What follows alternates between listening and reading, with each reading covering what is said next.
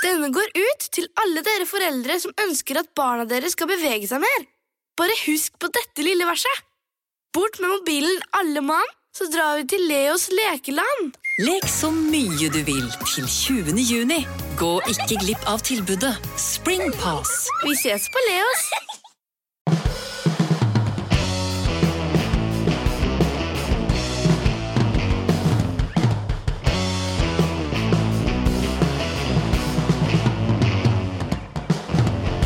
Neimen, neimen, neimen, neimen, Per. Dette trodde jeg ikke jeg skulle oppleve. Altså, at du skulle kopiere meg! Altså, nå, ja, ja, ja, ja, ja, ja, ja, jeg tenkte sånn, Ok, nå har vi kjent hverandre i mange år. Du er alltid sånn. Du kommer med litt sånn sikkert, for det er unger som har gulpa på deg og sånt noe. Og det har vært mye forskjellig. Og så plutselig da, hva ser jeg da? Lynsharp! Svart jeans, svart T-skjorte. Altså, vi ser jo ut som uh, Jølle og Jakken. Eh, men- Jeg vet ikke hvem ja. Jølle Jakken er, men, nei. men jeg- det slo meg at bortsett fra skoene, så er vi ganske Ja, også, du har noen glidelåser og knapper som jeg ikke vil ha på min olabukse, men som du Ikke, Har gjort det ikke litt prøv å snakke deg ned nå. Nå har du blitt litt mer Det vil si at du er mer, du er mer fasjonista nå enn du har vært noensinne i podkasten. Men vi skal jo snakke litt i dag også om eh, eh, selskaper som er aktuelle, og selskaper som starter opp og gjør nye ting og sånt noe. Mm. Og i, i den forbindelse så er det sånn eh, Sosiale medier er jo viktig. Eh, og eh, jeg har jo vært på Twitter og Instagram ganske lenge. Og nå har du jo blitt med på et nytt sosialt medie. Ja, Hva heter det, Petter? Eh, det det var en menn som sa til meg Jeg, Petter, har fått med at du er nå på TokTok. Ja. Så sa jeg eh, TokTok eller TikTok spiller så mye rolle, jeg er der nå. Ja. Eh, og det er jo interessant. Du er vel neppe på TokTok? Nei, jeg er ikke på TokTok. Nei, Men- men, du er vel neppe på Insta? Eller der er Jo, Insta er jeg jo Ja. veldig glad i. Mange følgere har du på Insta. Jeg vet ikke. Hvis du trekker kan- familien. Nei, ja, det har jeg jo ikke peiling på. Nei, for du kan ikke ta med Da har jeg kanskje to følgere eller noe sånt. Nei, jeg veit ikke. Jeg tror det er eh, 1800-1900 eller et eller annet sånt. Nei, men det, det det handler om, det er jo se her, mens du prater. ja, det, er, Prat i det, vei, du. det handler jo om å følge med i tiden. Ja. Være aktuell. Jeg skrøt på meg noen de hundre. nye 1488. Wow! Og trenden er nedadgående? Den er nedadgående. Ja, det, det. Men det er, det er, å, det er, å, det er å se hva, hva, er de, hva er det nye som kommer. Ja. Og vi har jo to fremragende eh, gjester i dag som skal prate om de, de, de nye bedriftene. Ja. De som vokser. De som er i motsetning til min Instagram-konto, men mer i tråd med din TokTok-konto, vokser i rakettfart. Ja. Uh, og det er jo gasellebedrifter, som Dagens Næringsliv eh, for uh, en god del år tilbake nå valgte å kalle det. Velkommen til deg, Janne Johansen, sjefredaktør i Dagens Næringsliv. Tusen takk. Gasellebedrifter er jo en kåring dere har hatt siden 2003. Jeg må innrømme at da jeg var E24-redaktør for en del år tilbake, så var jeg veldig misunnelig på den kåringen. Å, for det er deilig å høre! ja. Det er jo en fantastisk kåring, og det er jo, i motsetning til mye av journalistikken som er primært tenkt å være kritisk mot eh, næringslivet, så er jo gasellekåringene en eh, type journalistikk hvor man kan ta seg litt sånn pause fra den type journalistikk og, og, og feire vinnere i norsk næringsliv. Er det litt kleint, eller bare hyggelig? Nei, Jeg tenker at det er bare hyggelig. Eh, det er jo, ja, det kan jo sikkert noen her bekrefte, eh, men vi driver jo mye med kritisk undersøkende journalistikk, og eh, på en måte baksiden av det er jo at man kan bli oppfatta som litt surmaga, sånn totalt sett. Så det å måtte fremheve noen sånn spektakulære gladhistorier, som gasellene er, det tenker jeg også er en viktig del av vårt oppdrag. En spektakulær gladhistorie er jo Tibber, som en del lyttere vil tenke hæ, det er ikke spektakulært, en spektakulær gladhistorie, for det har bare vært trøbbel, men det har det jo ikke Edgeir Vårdal Aksnes i Tibber, gründer. Velkommen til deg også. Tusen takk.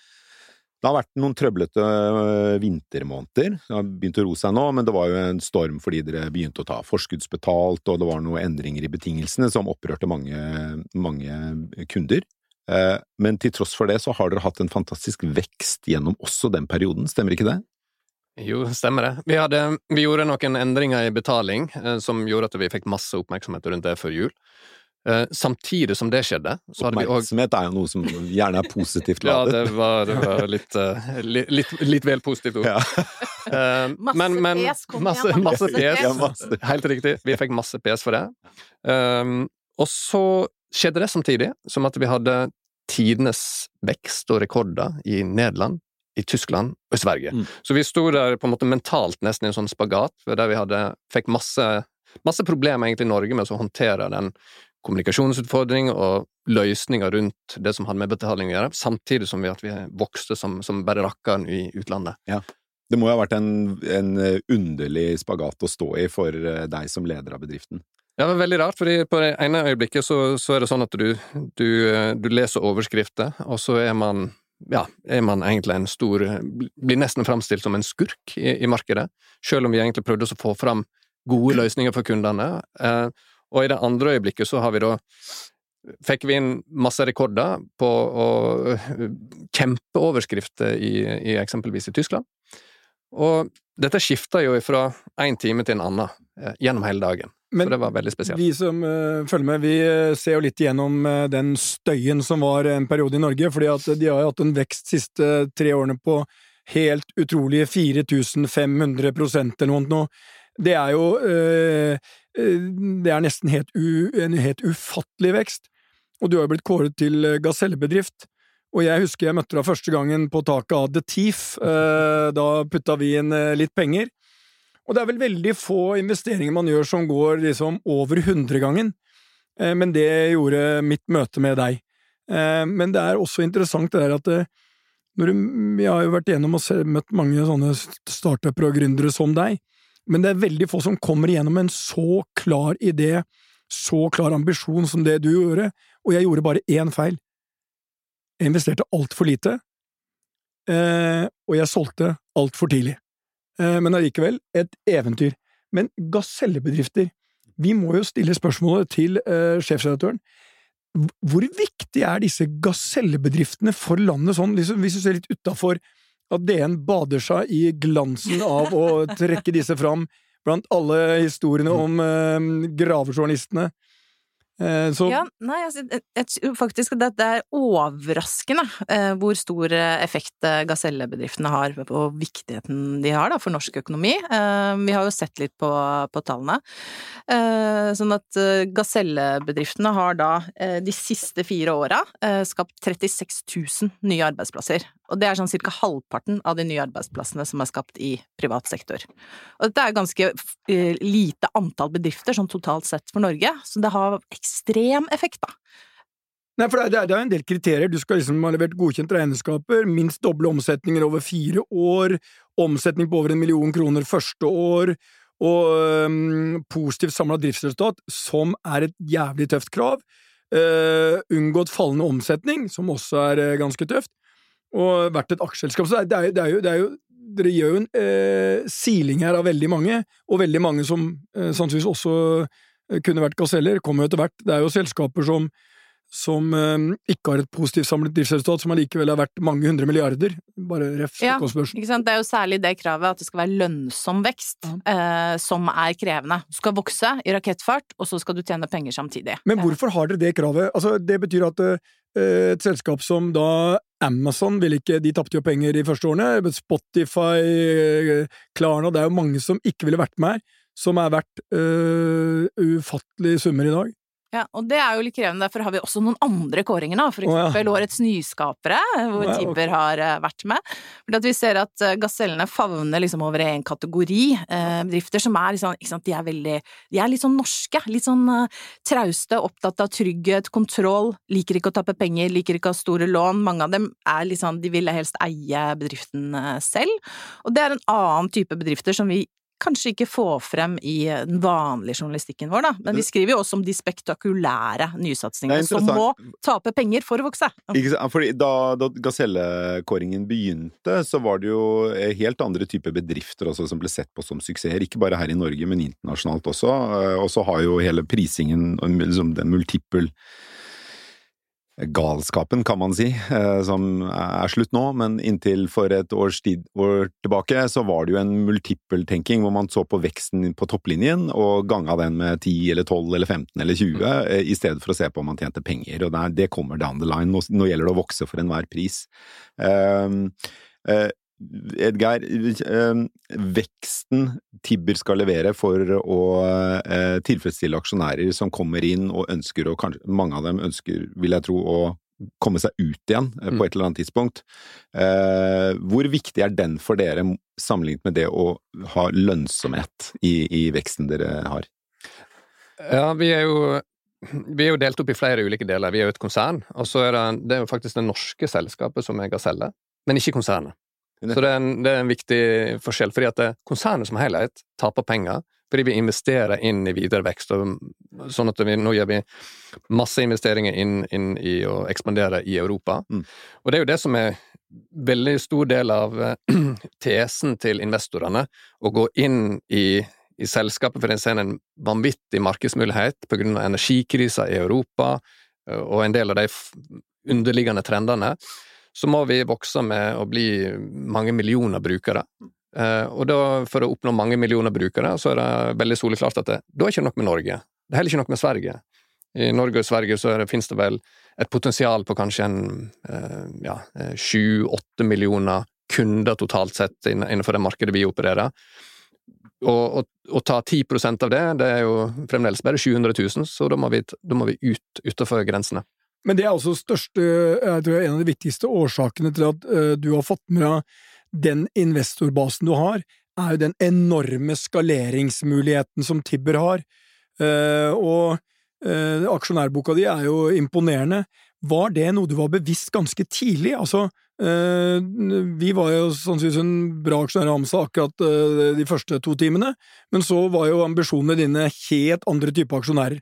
Jo, men vi var, da vi startet selskapet, så var vi veldig bevisst på en del ting. Er- du, vi må ha en idé, men in the long run så teller det 3% maks av, av hva businessen er verdt. Og så må vi ha folk, og så må vi ha, ha kunder, og så må vi ha investorer som er med oss og fueler dette. Og den, den ideen tenkte vi ut før vi møtte deg på The Thief, med at vi må få inn noen aksjonærer nå som kan være med å tiltrekke seg de neste aksjonærene og neste investorene, og de skal igjen være med å tiltrekke seg de neste investorene. Så den, den tanken hadde vi med hele veien, at eh, vi må få laga ringvirkninger, ikke bare, på, ikke bare for produktet og marked og kunder, men òg for investorbasen vår. Så hver eneste runde vi har henta, så har vi eh, vært veldig heldige med å få med oss kjempegode investorer. Du var med oss og hjalp oss veldig klart i gang først, i første fase. Så fikk vi med oss uh, Witzøe-familien, og så hadde de connectioner til Silicon Valley, så fikk vi med Founders Fund, Ja. og så hadde, tiltrekte de alle, alle mulige rundt. Og det er grunnen til at vi har klart å hente penger sjøl og slippe å ha sånn, dyre tilretteleggere. Founders Fund er jo de som var med tidlig i Facebook. Ja. De var med i Spotify, de var med i Airbnb. Ja. Altså, og de er giganter. Yes. Ja. Og de har jo tilført masse, masse etterpå. Men de stiller, men- de stiller tøffe krav. Det gjør de, og så, så har de Men de er òg veldig tålmodige. Så lenge de ser potensialet, så kan de sitte i ti år, de. Så lenge de ser at dette vil, dette vil Men ta av. eh, jeg har ett spørsmål, Janne, fordi at eh, Og vi må jo si én ting her, det har jeg glemt.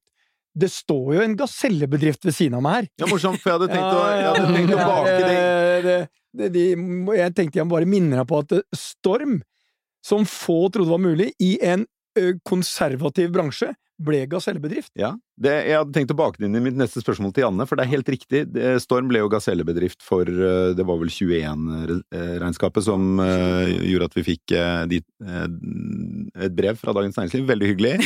Jeg fikk det også i E24 da jeg var redaktør der. Det skjønte jeg ikke så veldig mye av, men jeg måtte jo sjekke tallene. Ja, det Så gjelder stemmer. for vi alle. Det er objektive Ja, kriterier. Vi Det er ikke noe diskriminering. men det var litt sånn så på dere som Ok. stor konkurrent. Nei, jeg, følte, nei, jeg følte meg verken som en sånn uh, supervellykka bedrift eller gaselle, for den saks skyld, men eh, var det. Eh, men, men det jeg syns var artig, var jo, eller det som er artig å se, er jo at mange av de som blir gasellebedrifter, med rette blir veldig stolte av det.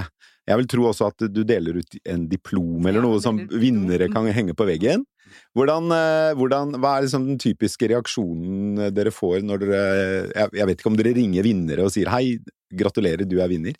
Ja, nå er det jo på en måte mitt første år som sånn eh, gaselledronning, da. Hvis Ja. det er jo. å nevne seg selv til, Ja, du til det. Du snakker til en som jo- følte seg som en ja. men fikk uh, årets gaselle. Dobbel gasellevinner Ja. Ja, så, men uh, det folk sier, de som på en måte målbærer det glade budskapet, er jo at folk blir skikkelig rørt og stolt, ikke sant? At dette er stort, og for en del bedriftseiere så er det et mål i seg selv, det å bli gasellebedrift.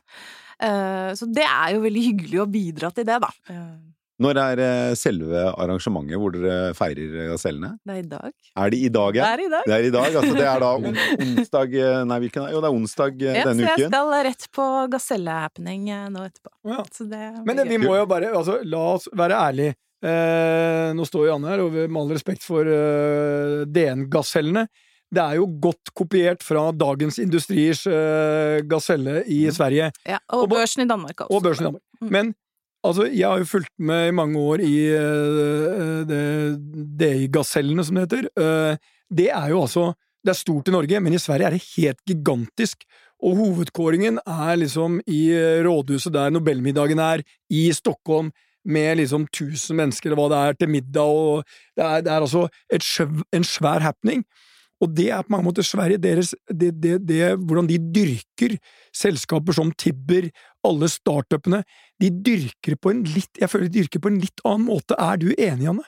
Altså, bortsett fra hva dere gjør med gasellene, er det sånn, sånn fokus de har, hvordan de hyller disse entreprenørene, gründerne, når selskapene Er det noen forskjell, eller? Ja, Gasellene er jo større i Sverige enn i Norge, og det kan det hende at vi skal la oss inspirere litt grann av, da. Men jeg vil jo si at det er ganske stor oppmerksomhet rundt uh, gründere og vekstselskaper i, i Norge også.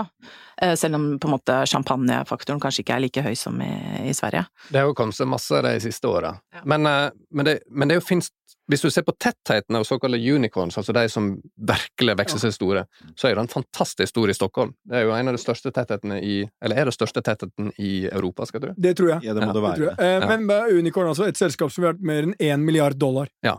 Altså i verdi, Yes. ikke i omsetning, i verdi. Eh, eh, Hvordan opplever du eh, miljøet for gründere i Norge og eh, respekten for gründere eh, i Norge i dag sammenlignet med da du startet opp Tibber?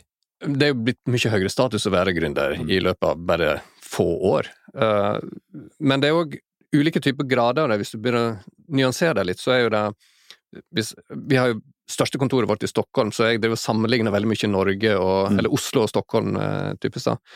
Og det er veldig stor forskjell på hva type selskaper som vokser fort fram i, i Sverige versus i Norge. Mm. I Sverige har du mye mer av konsumentselskaper som eksponerer ut av landet, altså uh, gamle kjemper som Hennes og Maurits og Ikea til, til Spotify. Altså det, det er mye mer av de konsumentorienterte selskapene. I Norge så har vi mer business to business, og kanskje ikke så mye eksport ut av landet. Mm. Så det er en del forskjell på dette her òg, men, men, eller, men statusen føler jeg på en måte har skutt i været de siste, siste fem åra. Formuesskatt har jo vært nok en gang en heftig debatt gjennom vinteren, og eh, vi orker ikke gå inn i den debatten her. Men eh, mange av de som har klaget på formuesskatten, har jo sagt at Norge er et gründerfiendtlig land. Er det, en, er det et syn du deler? Du kan si det i de veldig tidlige åra, altså helt tidlig, tidlig fase, så er sannsynligvis Norge et av de beste landene. Du har ordninger som Innovasjon Norge, det finnes masse sånne støtte, støtteapparat rundt. Men så jo lenger ut i reisa du kommer, jo mer, mer utfordrende er det. Så, så jeg vil si at vi er kjempesterke på den første biten, men, men det finnes nok eh, land og marked som er mye, mye råere, eh, litt sånn diplomatisk sagt, eh, i, i den Men du kan lengre enden. utfordringen for deg, da, hvis du tar deg som er eh, hovedaksjonær i Tibber Hvis du hadde, Nå er Tibber et privat selskap, og blir verdsatt deretter rent formuemessig. Hadde du vært børsnotert og hatt en verdi på fem, seks, sju milliarder, hvor mye eier du av det? Jeg eier 10-15% av det, Ja. så da hadde jeg hatt et stort problem. Ja, eh, fordi problemet da er dette selskapet, basert på det eh, vi nå har hørt, Edgeir, skal investere alle pengene sine, kommer sannsynligvis til å fortsette å tape i mange år. Verdiene øker, fordi disse som er inne, de store aksjonærene, de, vil heller, de tar heller tapet for å vokse i nye land, nye markeder. Um, og dette er problemet. Derfor ville Spotify, da, som et annet eksempel, som tapte penger også i mange år, ingen utbyttepolicy, hatt en enorm utfordring. Og det jeg tror det er sånn, vi burde se på og det er ikke noe debatt om formuesskatten, men vi burde sett på hvordan vi kunne løst den utfordringen. For det er et problem for sånne som deg. Ja, altså hvis, hvis, eh, hvis vi børsnoterer Tibber, så, så får eh, Basert Ja. på siste emisjon, mye er det verdt. Ja, du, du, du var spot on. Det er en, en, en håndfull milliarder. Ja. Pluss plus, minus. Ja, det er ja, over fem milliarder. Ja. Og da blir det et eh, problem. eh, Sånn at da, da må jo jeg personlig enten ta opp lån, eller så må jeg selge. Men er det nå du har begynt å legge liksom flytteplanene Ja, kom det er var det- litt- Ja. Nå nå Dagens Næringsliv spør om to ting. Eh, når er børsnoteringa, og, og når flytter jeg til Sveits? Ja. Nei, det, det har ikke vi, De mener at de to tingene henger sammen. Det er derfor de stiller begge spørsmålene. Nei, det har ikke vi planlagt. Eh, Flytting eller børsnotering? Ingen, ingen, ingen av dem. Nei, vi, vi, vi skal, nå vi skal du og jeg på bare børs. gå inn. Skal vi la Janne jobbe? Ja. Nei, vi, vi skal på børs. Det, det er planen. Men uh, datoen er ikke satt. Nei. Er det, snakker vi de nærmeste ett til to årene, eller er det lengre Et år tviler jeg på. Markedet, markedet er fryktelig Markedet er for dårlig, ja. Ja. ja. Så Men, det, eh, men bare, bare la, la oss bare si det. Eh, Jan, du tar jo opp en viktig ting. Eh, Det er jo ikke eh, Du kan si etter at Kjell Inge flytta ut, så følte jeg at det åpna seg en dør, liksom. Da var det på mange måter helt greit å flytte ut. Og det er antallet eh, rike mennesker som har flytta ut nå, har vi vel aldri sett noensinne i Norge. Nei, det er vel over 40 ganske profilerte næringslivsledere som har flytta ut. Også noen gründere, og det er jo bekymringsverdig. Altså, det er jo på en måte et veldig sånn symboltungt slags opprør mot eh, norsk skattepolitikk og, og regjeringen. Så eh, det er når flytter du, Petter? Hva? Når flytter du? Nei, jeg, jeg flytter ikke. altså, jeg, eh, det- jeg er sånn eh, eh, Jeg har det så godt eh, i eh, Norge og Sverige at eh, nei. Jeg vil jo tro at det er noen av de som har flyttet som angrer på det down the line, og, og savner Fordi det er kjedelig å bo i Lugano. Ja, nei, altså, det er, jeg har aldri vært i Lugano, men, men Har du aldri eh, vært i Lugano? det er jo flere av de Har du aldri som vært i Sveits? Jo, jeg har vært i Sveits, men ikke i Lugano. Mm. Har du vært ved Komosjøen? Jeg har vært i Sverige, men ikke i Gävle. Uh, Har du ikke vært i Gävle? Nei, jeg har ikke vært i Gävle. Men ehm, Du er ikke veldig bereist, Per. Nei, uh, kanskje ikke. Men uh, jeg syns jeg har vært en del spennende steder likevel. Vi har eh, et, eh, Artig vri der, Petter. poenget, poenget mitt var at det er jo helt sikkert en del av de som har flyttet ut fra, fra Norge til Sveits nå, som kommer tilbake til Norge om noen år, fordi de savner ski og fjell og er jo, Ting som-. Det er, det er, ski, jeg vet det er ski og fjell i, i, i Sveits òg, men de savner det norske. De savner eh, røttene sine og familien sin. Men eh, eh, det er jo en helt spesiell situasjon at så mange rike, vellykkede næringslivsgründere og eiere flytter samtidig. Er det, er det kun emosjonelt, eller tror du det er eh, og en, nærmest en protestaksjon? Eh, at man blir litt revet med? Eller tror du at dette er et veiskille i, i, i norsk eh, jeg si I måten rike nordmenn ser på Norge som et sted å bli når de er blitt rike? Det er jo et av de store spørsmålene, men jeg tror på en måte du tar ikke en så stor avgjørelse liksom følelsesbasert, tenker jeg. Du på en måte ja, drar av gårde, tar med deg familien, altså selger unna, du skal etablere deg på et helt nytt sted. Altså, Mm. det er interessant, da, men det, men det er jo klart at det, det skaper jo på en måte en trend. Det blir jo sånn eh, norsk koloni eh, i, i Sveits, og da på en måte blir terskelen lavere for flere. Så jo eh, flere som flytter, jo lettere er det jo å bo der selv, fordi det, du har et miljø plutselig som er Ja. norsk. Så lurer på hvordan alle disse sveitserne ser på den der rikingbølgen av eh, nordmenn som, eh, som kommer, Men, men, kommer inn. men Altså. det, det, øh, det interessante her, det er at uh, man går kanskje på børs både for å få likviditet i aksjene, ikke minst for å kunne hente penger bredt. La oss si at det er jo da en stor forskjell på Founders, da, et av verdens fremste fond, som går på børs, og konsekvensen for dem, og konsekvensen for alle som har starta selskapet, og som er viktig for selskapet. Mm. De har da en konkurransefordel, og de får både likviditet i aksjene, de får en prising av investeringen sin, og de har ikke formuesskattproblemet. Edgeir, som kanskje ser alle fordelene med eh, børsen som instrument, egenkapitalsiden og likviditet og alle de tingene her sånn, og attraktiviteten til selskapet, oppmerksomhet, det er mange ting. Men det er én viktig ting som taler mot at han faktisk gjør det, og det er da må han begynne å selge aksjer. Så han eier stadig litt mindre for hvert år han er der sånn, for, han, for det er hele innkomstdelen hans. Så, og det der, der tror jeg det, det der må vi på en måte komme forbi og rundt. For, for, for, børsen liksom mister det, det blir en forskjell på utenlandske investorer og eh, norske. Eh, ikke at det er et problem for meg, jeg har et Nei. privat selskap, kommer til å bli privat, så eh, jeg har ikke de eh, store problemene. Og så er jeg jeg er takknemlig for mye, blant annet så er jeg takknemlig for at eh, uten den norske velferdsstaten og den svenske og danske og finske, så hadde ikke hotellene mine fungert, eller virksomheten min fungert, så, så men, men, eh, men det Ja, for er det handler jo også om det, ikke sant. Vilje og evne til å finansiere velferdsstaten og Mm. de godene som vi er så kjent for i, i Norge. Så det er klart at det får jo også et omdømmeproblem, da, eh, ved å stikke av gårde til, eh, til Sveits. Og du ser jo at mange av dem som har flyttet, er jo, er jo Det er jo folk som er eh, kanskje noe distansert fra den virksomheten de er eier i. Det er enten de begynner å dra på åra, og barna deres har tatt over driften, eller, eller de eier mye eiendom som kan forvaltes fint uten at de er tett på, eh, på markedet. Men jeg tror jo at den, den altså, bølgen vi har sett det siste året, det, jeg, tror, jeg tror det er et, et, et veiskille i hvordan eh, en del rike nordmenn ser på se på det å bli boende i Norge med en høy formue, og at, at eh, det har endret noe varig, tror jeg, ved det å være rik og bosatt i Norge. Hvis man ikke er tett på bedriften eller har liksom omdømmevurderinger å, å ta hensyn til, da. Eh, og det er, jo, det er jo synd, men eh, eh, kanskje uunngåelig så lenge man har en formuesskattsituasjon. Tror du det? Eh, ja, det tror jeg absolutt. Det kommer jo alltid til å være kontroversielt med formuesskatten. Det har det jo vært uh, så lenge du og jeg har jobbet med, med næringslivsjournalistikk. Kommer liksom aldri videre programmet. så det er jo en klassiker, det der. Um, men nå snakker vi jo veldig mye om de sånn store rikingene og sånn. Skulle vi ikke egentlig snakke om gasellene? For det er på en måte de store selskapene det og store jeg- jeg- jeg formuene det er jo litt. Det atypisk. Gasellene, veldig mange av gasellene, de ser jo for seg et liv på børsen. Og det, man kan eh, liksom ha mange oppfatninger om børsen, men det er et viktig instrument for oss. på mange Hvem, hvem er den typiske gasellebedriften, da? Nei, altså, de går er jo mye mindre. Små det. og mellomstore bedriftseiere. Ofte folk som på en måte tar nærmest hobbyen sin, lidenskapen sin, og lager en business ut av det. Jeg tror, sånn som Mitt inntrykk er at veldig mange motiveres ikke av å komme på børs eller på en måte få verdensherredømme. Eh, ikke sant? Så dere har jo veldig store ambisjoner i Tiber sammenlignet med den jevne gasellen. Motiveres av å liksom skape noe selv, da.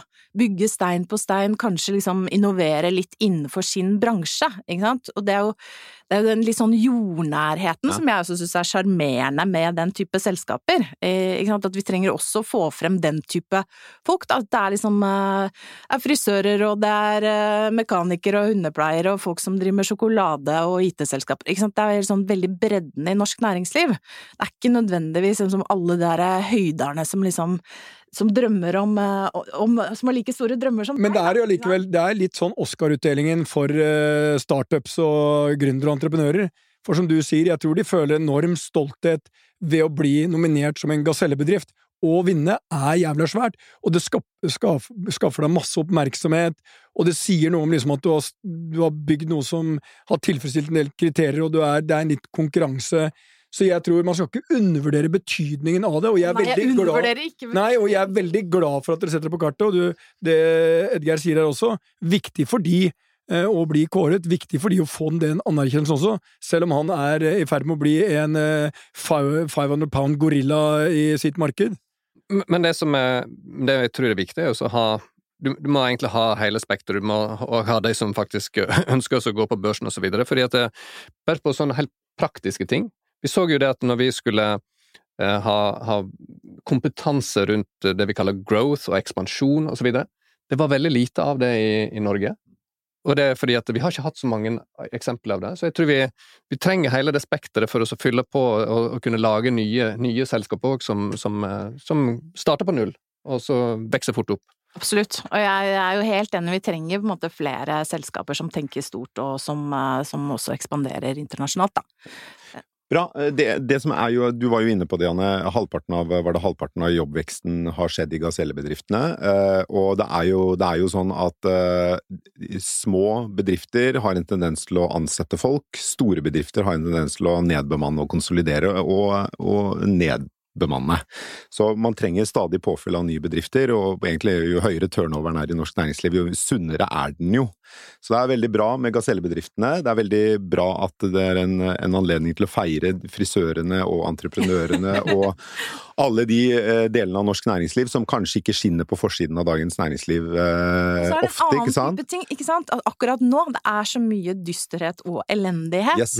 Eh, Så du kan jo bli helt gæren. Så det å få frem litt sånn solskinnshistorier og, og selskaper som gir håp, da. Men, men, men der også kan media bli flinkere. fordi det er, det, er, det er faktisk mange ting som Ja, hvis du Altså, man har jo inntrykk av at media bruker eh, huet ditt som eh, søppelkasse innimellom. fordi at det, det er faktisk mange positive ting som skjer. Hvis man skreller av litt av dette, så er det sånn Nei, det blir mest sannsynlig ikke resesjon i de nordiske landene. Nei, det, det er faktisk veldig lav arbeidsledighet i Norge. Ja, fokus er på alle de nå bedriftene som eh, må skalere litt ned, men man glemmer helt at de bedriftene de tok inn alle disse under pandemien. Nå bare går det tilbake til normalen. Vi har hatt problemer med å hente inn mennesker ganske lenge. Vi har eh, ansatt 22 500 mennesker etter pandemien. Tok tilbake mange, og måtte ha mange nye. Men jeg opplever at når jeg leser avisene, så er det sånn Jeg leser avisene, får ett inntrykk, ser på tallene i Nordic Choice, og så, så kommer livet mitt tilbake, og blodet fosser rundt i eh, årene mine, og livet er Så jeg tror det er viktig at vi har en grad av optimisme. For hvis alle bare graver seg ned i all pessimismen, og nå er det nok bekymringer for alle der ute, så jeg ser veldig mye positivt også. Det er et, en stor underskog av gasellebedrifter. Det er mye positivt som skjer. Norge er et unikt land å være i, og, og liksom, det syns jeg kommer for lite fram. Jeg har en liten parallell eh, til akkurat det du sa der. Fordi at eh, det vi merka, det var hvor spesielt det var å få inn amerikanske, altså sånne Silicon Valley-investorer, og hvor ekspansivt de tenkte. Og så krasja det med egentlig den norske bygge litt stein på stein, og jeg brukte i hvert fall et år på å forstå hvordan de, de tenkte. Nå, så, nå er det i ferd med å bikke litt tilbake, for nå har jo veldig mye vekstmarkedet, og alle vekstselskap har jo dundra ned i, i kurs. Og nå er det litt den der nordiske, norske bygge, bygge ting stein på stein. Så vi trenger begge deler inn i denne miksen, og ikke bare, ikke bare den ene, for da, da tilter det fullstendig. Jeg har jo venta på dette i ti år, at uh, gode gamle Casho skal komme til heder og verdighet Ja. igjen. At noen begynner å se på Ja. hvordan er det faktisk tjener i penger i selskapet her. Og her er vi. Ja, her er vi. Bra. Uh, vi runder av med det, gjør vi ikke det, Petter? Uh, tusen takk skal dere ha for at dere kom i studio. Janne Johansen, sjefredaktør i Dagens Næringsliv, og Edgeir Vårdal Aksnes, administrerende direktør og gründer i Tibber. Vi høres igjen neste uke, Petter. Det gjør Og du har lykke til med gasellefeiringen i kveld, Janne. Tusen takk, det blir gøy.